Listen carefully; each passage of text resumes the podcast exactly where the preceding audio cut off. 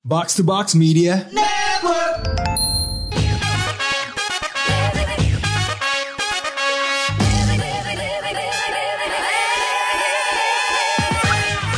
Selamat datang di Otaku News Flashy Segmen berita Otaku Box yang akan memberikan kabar. memberikan kabar info yang flashy soal Jepangan soal Jepangan perwibuan yang yang terkonfirmasi. terkonfirmasi teruji dan memang kita mengambil sumbernya tuh dari website terpercaya gitu kredibel. ya.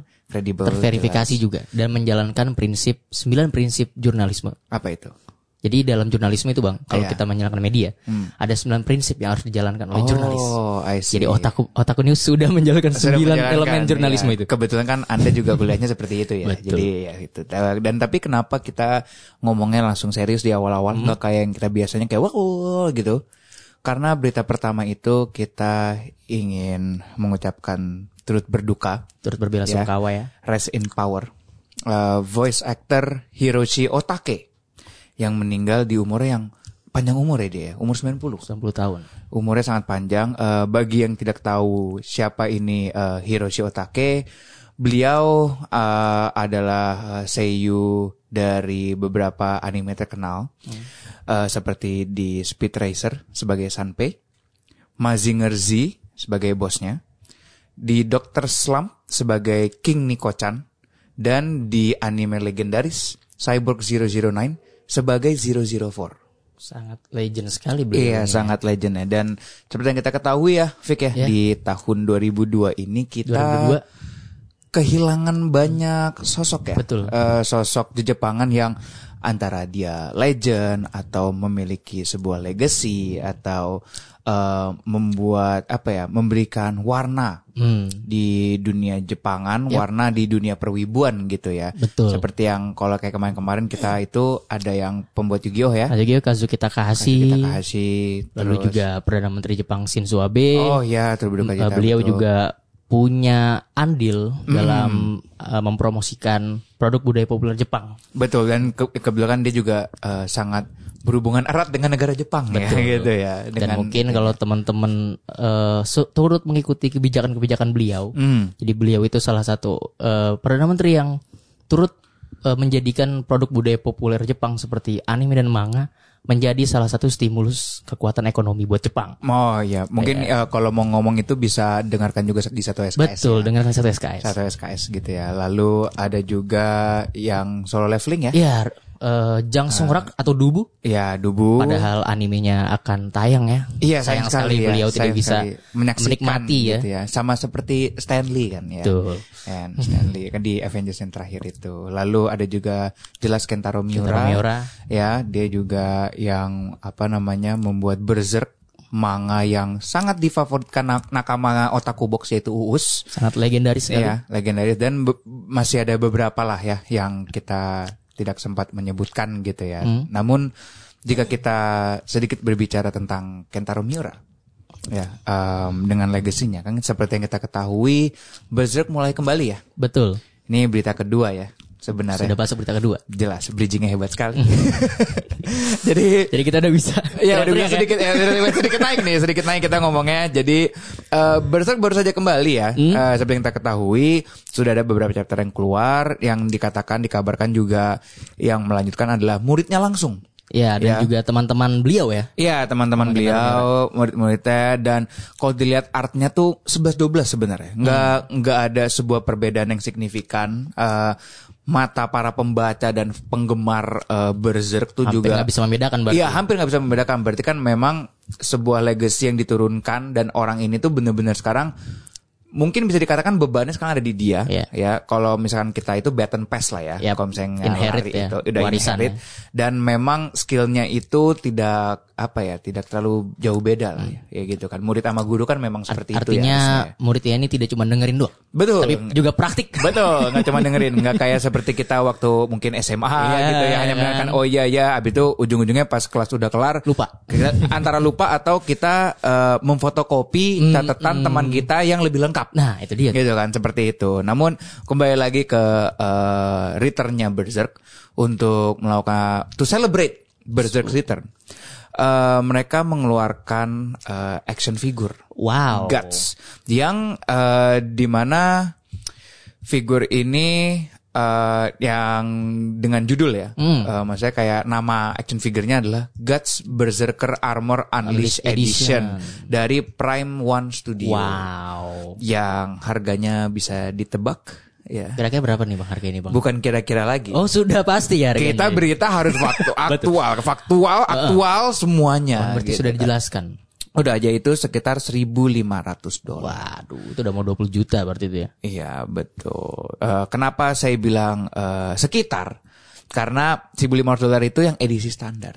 Oh iya iya, ada lagi yang ada, bonus version. ada lagi yang bonus version. eh, kelengkapannya lebih lengkap, mungkin detailing dan ada bonus-bonus tambahannya Hmm. itu yang di kalau ini baru diperkirakan Hmm. ya harganya ya nggak jauh beda tapi yang penting di bawah 1.700 jadi paling Wah, penambahannya antara ya 50 sampai 100 dolar lah ya Ya dan 100 bisa di. PO dari pre-order dari sekarang ya. Cuman betul harus nunggu dulu sebelum dikirim ke rumah masing-masing. Iya, jadi eh, apa namanya mereka tuh paling shippingnya masih Setahun lagi setahun 2023 lagi ya. lah. Iya, tapi kalian udah bisa PO dari Iya. sini.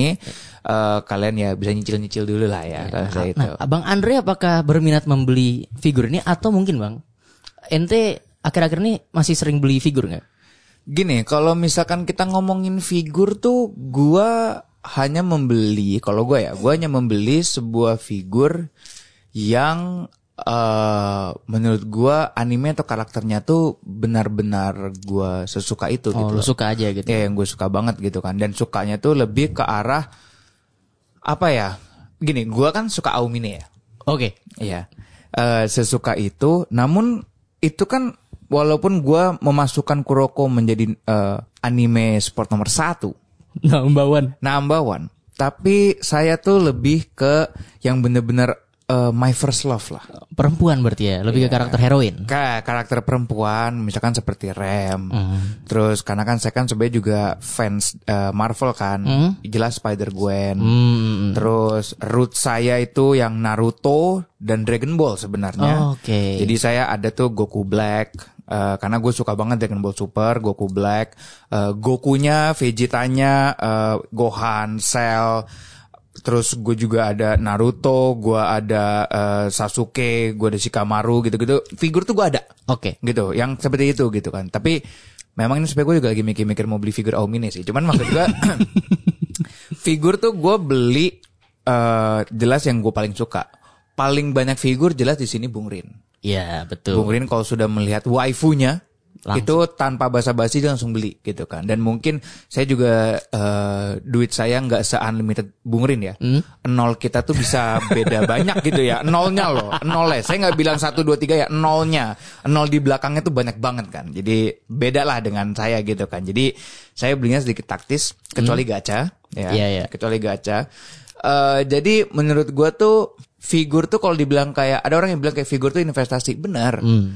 Tapi gue lebih ke arah eh, pleasure aja. Apresiasi juga ya. Apresiasi, pleasure, apalagi misalkan ini mainannya tuh mainan yang kayak memang dirilis atau Yap. kerjasama dengan production house. Saya kayak ibarat kita itu loh, kalau misalkan tiba-tiba Crunchyroll benar ada di, Hmm. ada di Indonesia, kita kan mau beli gitu loh. Kita mau Hmm. bayar gitu loh sebagai apresiasi orang-orang yang sudah membuat animenya gitu kan. Jadi gue lebih ke arah pleasure, eh, happiness dan apresiasi sih kepada itu sih. Kalau anime-anime baru atau karakter-karakter baru, lu beli juga nggak bang? Em, karakter-karakter baru gua akhir eh, Goku Black kan hitungannya baru ya. Hmm. Goku Black tuh hitungannya nggak terlalu lama. eh, tapi kalau misalkan figur yang paling baru itu gua kelihatannya belum ada deh. Tapi ya itu gua tuh sekarang em, nanti ketika 2023 beneran dibuka Jepang, misalkan. Ya. Itu saya udah punya list, saya mau beli apa Oh. aja. Kira-kira 8 mainan. Anda sudah mau khilaf berarti ya? Sudah mau hilaf kayak kalau spoiler sedikit jelas ada Kuroko no Basket Hmm. pasti eh, figurnya Boku no Hero jelas eh, gua mau beli One Piece Pasti itu mah. One Piece karena kan saya baru baru baru, baru nih hitungannya baru nih kan gitu One Piece Eh, terus sebenarnya ada satu lagi yang walaupun saya bilang animenya ya jelek Apa tuh? Tapi nggak tahu kenapa bentukan karakternya gue cukup suka. Hmm? Kawaki Oke. dari Boruto. Boruto. Kawaki itu Ya, ya, ya, keren ya. sebenarnya itu Kawaki. Benar, benar, benar. Kawaki gitu. Ya, Jadi paling itulah eh apa ya kekilafan saya nanti gitu. Dan jadi kita ngomongin yang baru-baru bang. Oke. Jadi akan anime baru kan mau tayang nih Ya. dari manga populer dari Tatsuki Fujimoto. Wah, Itu Chainsaw Man. itu gila sih itu itu dari trailer. Iya, sudah rilis PV-nya ya. Semuanya tuh udah mantep banget sih. Tapi ada yang dikritik bang sama fans-fansnya bang. Apa itu? Itu terkait voice actorsnya yang ternyata kata beberapa fans kurang memuaskan karena banyak rookie yang mengisi. Ka- Seperti karakter Hmm. Denji dan Makima itu kata itu rookie. Nah jadi karena Oh, makin rookie-rookie ini yang bakal mengisi anime yang populer yang ibaratnya bakal menjadi mega hit di tahun 2002 ini itu dikritik karena harusnya kalau anime yang udah pasti populer harusnya di- dikasih seiyu-seiyu papan atas gitu dong. Nah menurut lu gimana nih bang sebenarnya dari eh, pemilihan voice actor di Chainsaw Man ini sebenarnya ada masalah. Menurut menurut lu masalah nggak sih kalau mereka ngasih kesempatan buat para rookie-rookie ini untuk unjuk gigi di industri anime? saya mau kasih hot takes ya. Sikat. Memangnya Anda kira Star Wars episode 7 itu bagus? Mm-mm. Isinya ada Han Solo siapa yang peranin? Harrison Ford. Hmm, oh iya, iya. Princess Leia yang meranin eh, almarhum ya itu dulu sebagai orang yang selalu banyak mengima- mengimajinasi beliau Hmm. Iya, iya, ya iya. kan Princess Leia jelas kan Waifu masa Ya, lalu waifu ya. masa lalu Hmm, waifu masa lalu gitu kan Em, lalu tiba-tiba juga walaupun cuman sedikit ada Mark Hamill Hmm. maksudnya tuh mereka juga papan-papan atas gitu loh Ya. tapi Star Wars episode 7 tuh menurut gua ya udah itu hanya film nostalgia Hmm. kalau masih mau dibilang what is your best Star Wars? Jelas episode 5. Gue suka ya. banget episode 5. Suka sesuka itu gue sama episode 5. Gitu loh. Karena gue kan kalau di Star Wars tuh gue lebih suka sebenarnya perang pesawatnya. Oke, berarti lu lebih suka yang eh, ibaratnya ininya ya apa? Yang sebelum prequel ya? Iya gitu loh. Maksudnya kayak perang menurut gue tuh kayak kayak Rogue One. Rogue One tuh hampir nggak ada Jedi kan.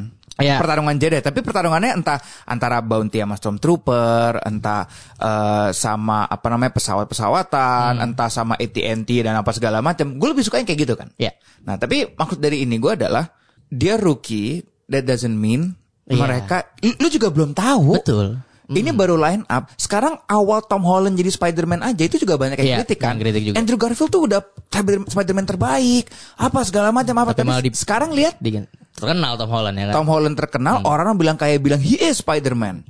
Yang paling cocok memerankan Yang paling Spider-Man cocok ya kan? pemeran Iya, Spider-Man benar, sekarang benar, Tom benar, Holland gitu Betul. loh. Walaupun dia British, tapi berusaha untuk ngedi- da- berdialog dengan gaya itu Amerika. Kalau di Indonesia, film Indonesia itu yang meran Dilan. Jadi waktu itu Iqbal dikritik. Iya, Kenapa kan? harus kenapa harus Iqbal? Nah, Malah ada yang yang lebih agak apa agak agak apa tuh agak bandel gitu Iya, kan, lebih bandel lebih gitu bandel, ya. Tapi, geng. tapi Iqbal bagus. Iya, Dylan. meranin Dylan. l- apa box office. Nah, iya. Salah satu film terbanyak ditonton gitu kan. Eh, itu dia. Jadi ini wibu-wibu kardus ini menurut gua kayak Yuk, lu tuh nggak giving a chance. Ingat loh, ini gue bukannya mau sumpahin ya. Iya. Gue amit-amit, amit-amit nih gue ngomong.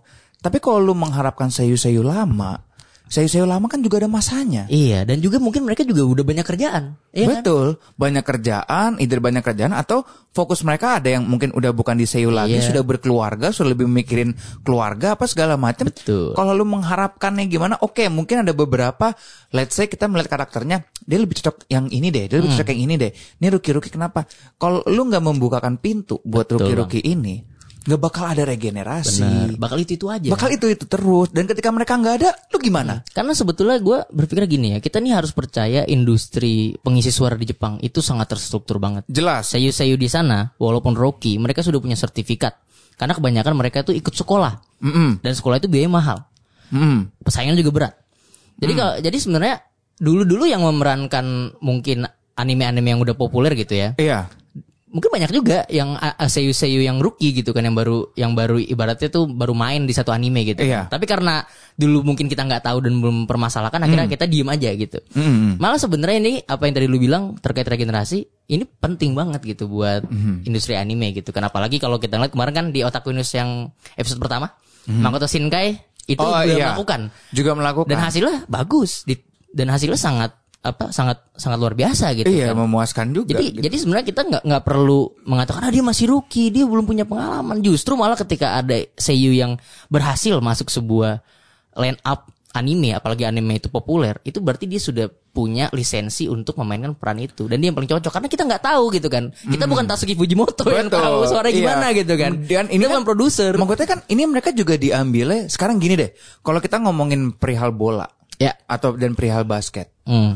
Dulu tuh Stephen Curry itu siapa? Iya. Dulu tuh Erling Haaland tuh siapa? Lionel Messi siapa? Lionel Messi siapa? Dia cuma bocah dari Barcelona Iya, Youth. Betul. Tiba-tiba dia di scout, dia mengunjukkan giginya. Cristiano Ronaldo dulu siapa? Awu Asito juga siapa? Iya awal itu siapa? Tiba-tiba Asito Dikasih di- kesempatan. kesempatan di Esperion Youth. Mm-mm. Eh, Esperion Youth A. Habis A dia ke Esperion. Dilihat dipandang sama orang-orang Esperion.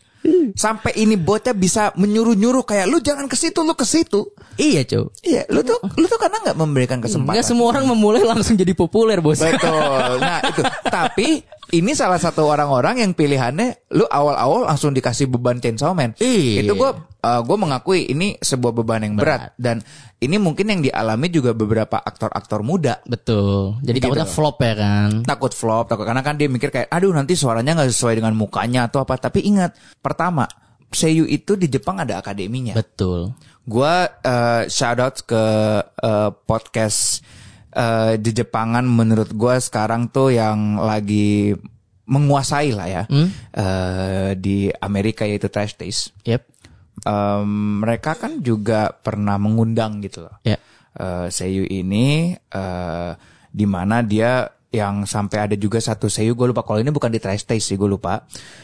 Yang mengatakan bahwa ya gue tuh ada akademinya, gue masuk, ada tuition fee-nya. Yep, benar. Dan itu ada kelasnya dan ketika nanti lu di kelas bahkan pada saat lu baru semester berapapun, lu tuh akan diberikan sebuah tes, lu dibaca skrip dan yang menjadi jurinya tuh produser-produser Jepang yang terkenal Benar, betul. untuk mengetahui oh ini anak berpotensi apa enggak. Dan ketika lu di akademi itu belum tentu lu berhasil. Iya, karena saingan lu banyak gitu loh. Banyak banget gitu kan. Jadi kayak itu tuh kalau misalkan lu meragukan skill mereka, berarti secara nggak langsung lu juga meragukan produser Chainsaw Man. Dan lu meragukan pendidikan seiyu di Jepang. Betul. Yang udah apa namanya yang udah bertahan sampai sekarang bahkan menciptakan seiyu papan atas gitu. Betul, itu maksudnya kayak kalau lu gua nggak tahu ya, mungkin memang orang-orang ini yang komen orang-orang Jepang ya. Hmm. Gua nggak tahu orang Jepang, tapi kan emang ya kita akui orang Jepang tuh jempolnya tuh selevel sama netizen Indonesia sebenarnya Ya, kan kalau ngomong gitu kan. Jadi gue melihatnya yang kayak why not gitu loh. Gue malah gua malah menarik. Hmm. Gue mau melihat apakah sayu-sayu ini bisa nggak usah berada di satu level yang sama. Benar. Paling tidak memberikan kesan yang baik untuk anime ini Yap.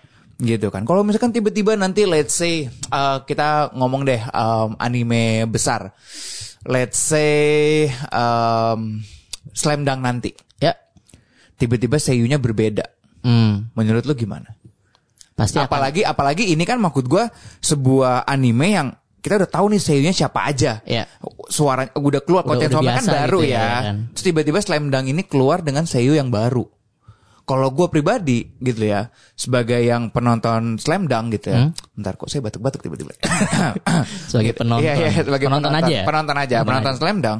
Kalau memang nanti tiba-tiba seiyunya suaranya agak sedikit-sedikit berbeda, gue nggak apa-apa kayak oh seiyunya baru ya, oh bagus gitu loh. Ya, karena gue juga sama sih menurut gue nggak Gua nggak nggak masalah, nggak masalah. Kalau gue nggak masalah. Mungkin kalau fan-fannya kayak, oh ini bermasalah apa? Mungkin juga teman-teman saya itu Rana, Rinda dan Randy kayak, oh sayunya harus sama. Ya terserah, karena kan kalian emang fans eh, slam dunk banget gitu Eh, kan. tapi menurut gue masalah pengisi suara itu bukan sebuah hal yang otentik sih. Iya. Karena ya namanya yang mengisikan manusia sungguhan. Betul. Apalagi ini film jadul, Iya. anime lama, Betul. yang mana mungkin suaranya sudah berubah. Iya. Cara mengisi suaranya Iya, gitu kita kan. nggak tahu. Kita nggak Tiba-tiba tahu. suaranya berubah gitu, Iya. makin berat atau makin kayak aki-aki. Iya. Gitu kan. Jadi ya menurut gue ya nggak masalah untuk dikasih kesempatan untuk orang baru kali aja. Nanti mungkin malah ini bi- bisa jadi kayak semacam eh, untuk kalau misalnya mau dibuat lanjutannya sudah nemu yang pas gitu kan. Hmm. Gitu. Jadi ya maksud gue dengan adanya line seperti ini, konklusinya adalah new anime, new seiyu, it's okay. Oke.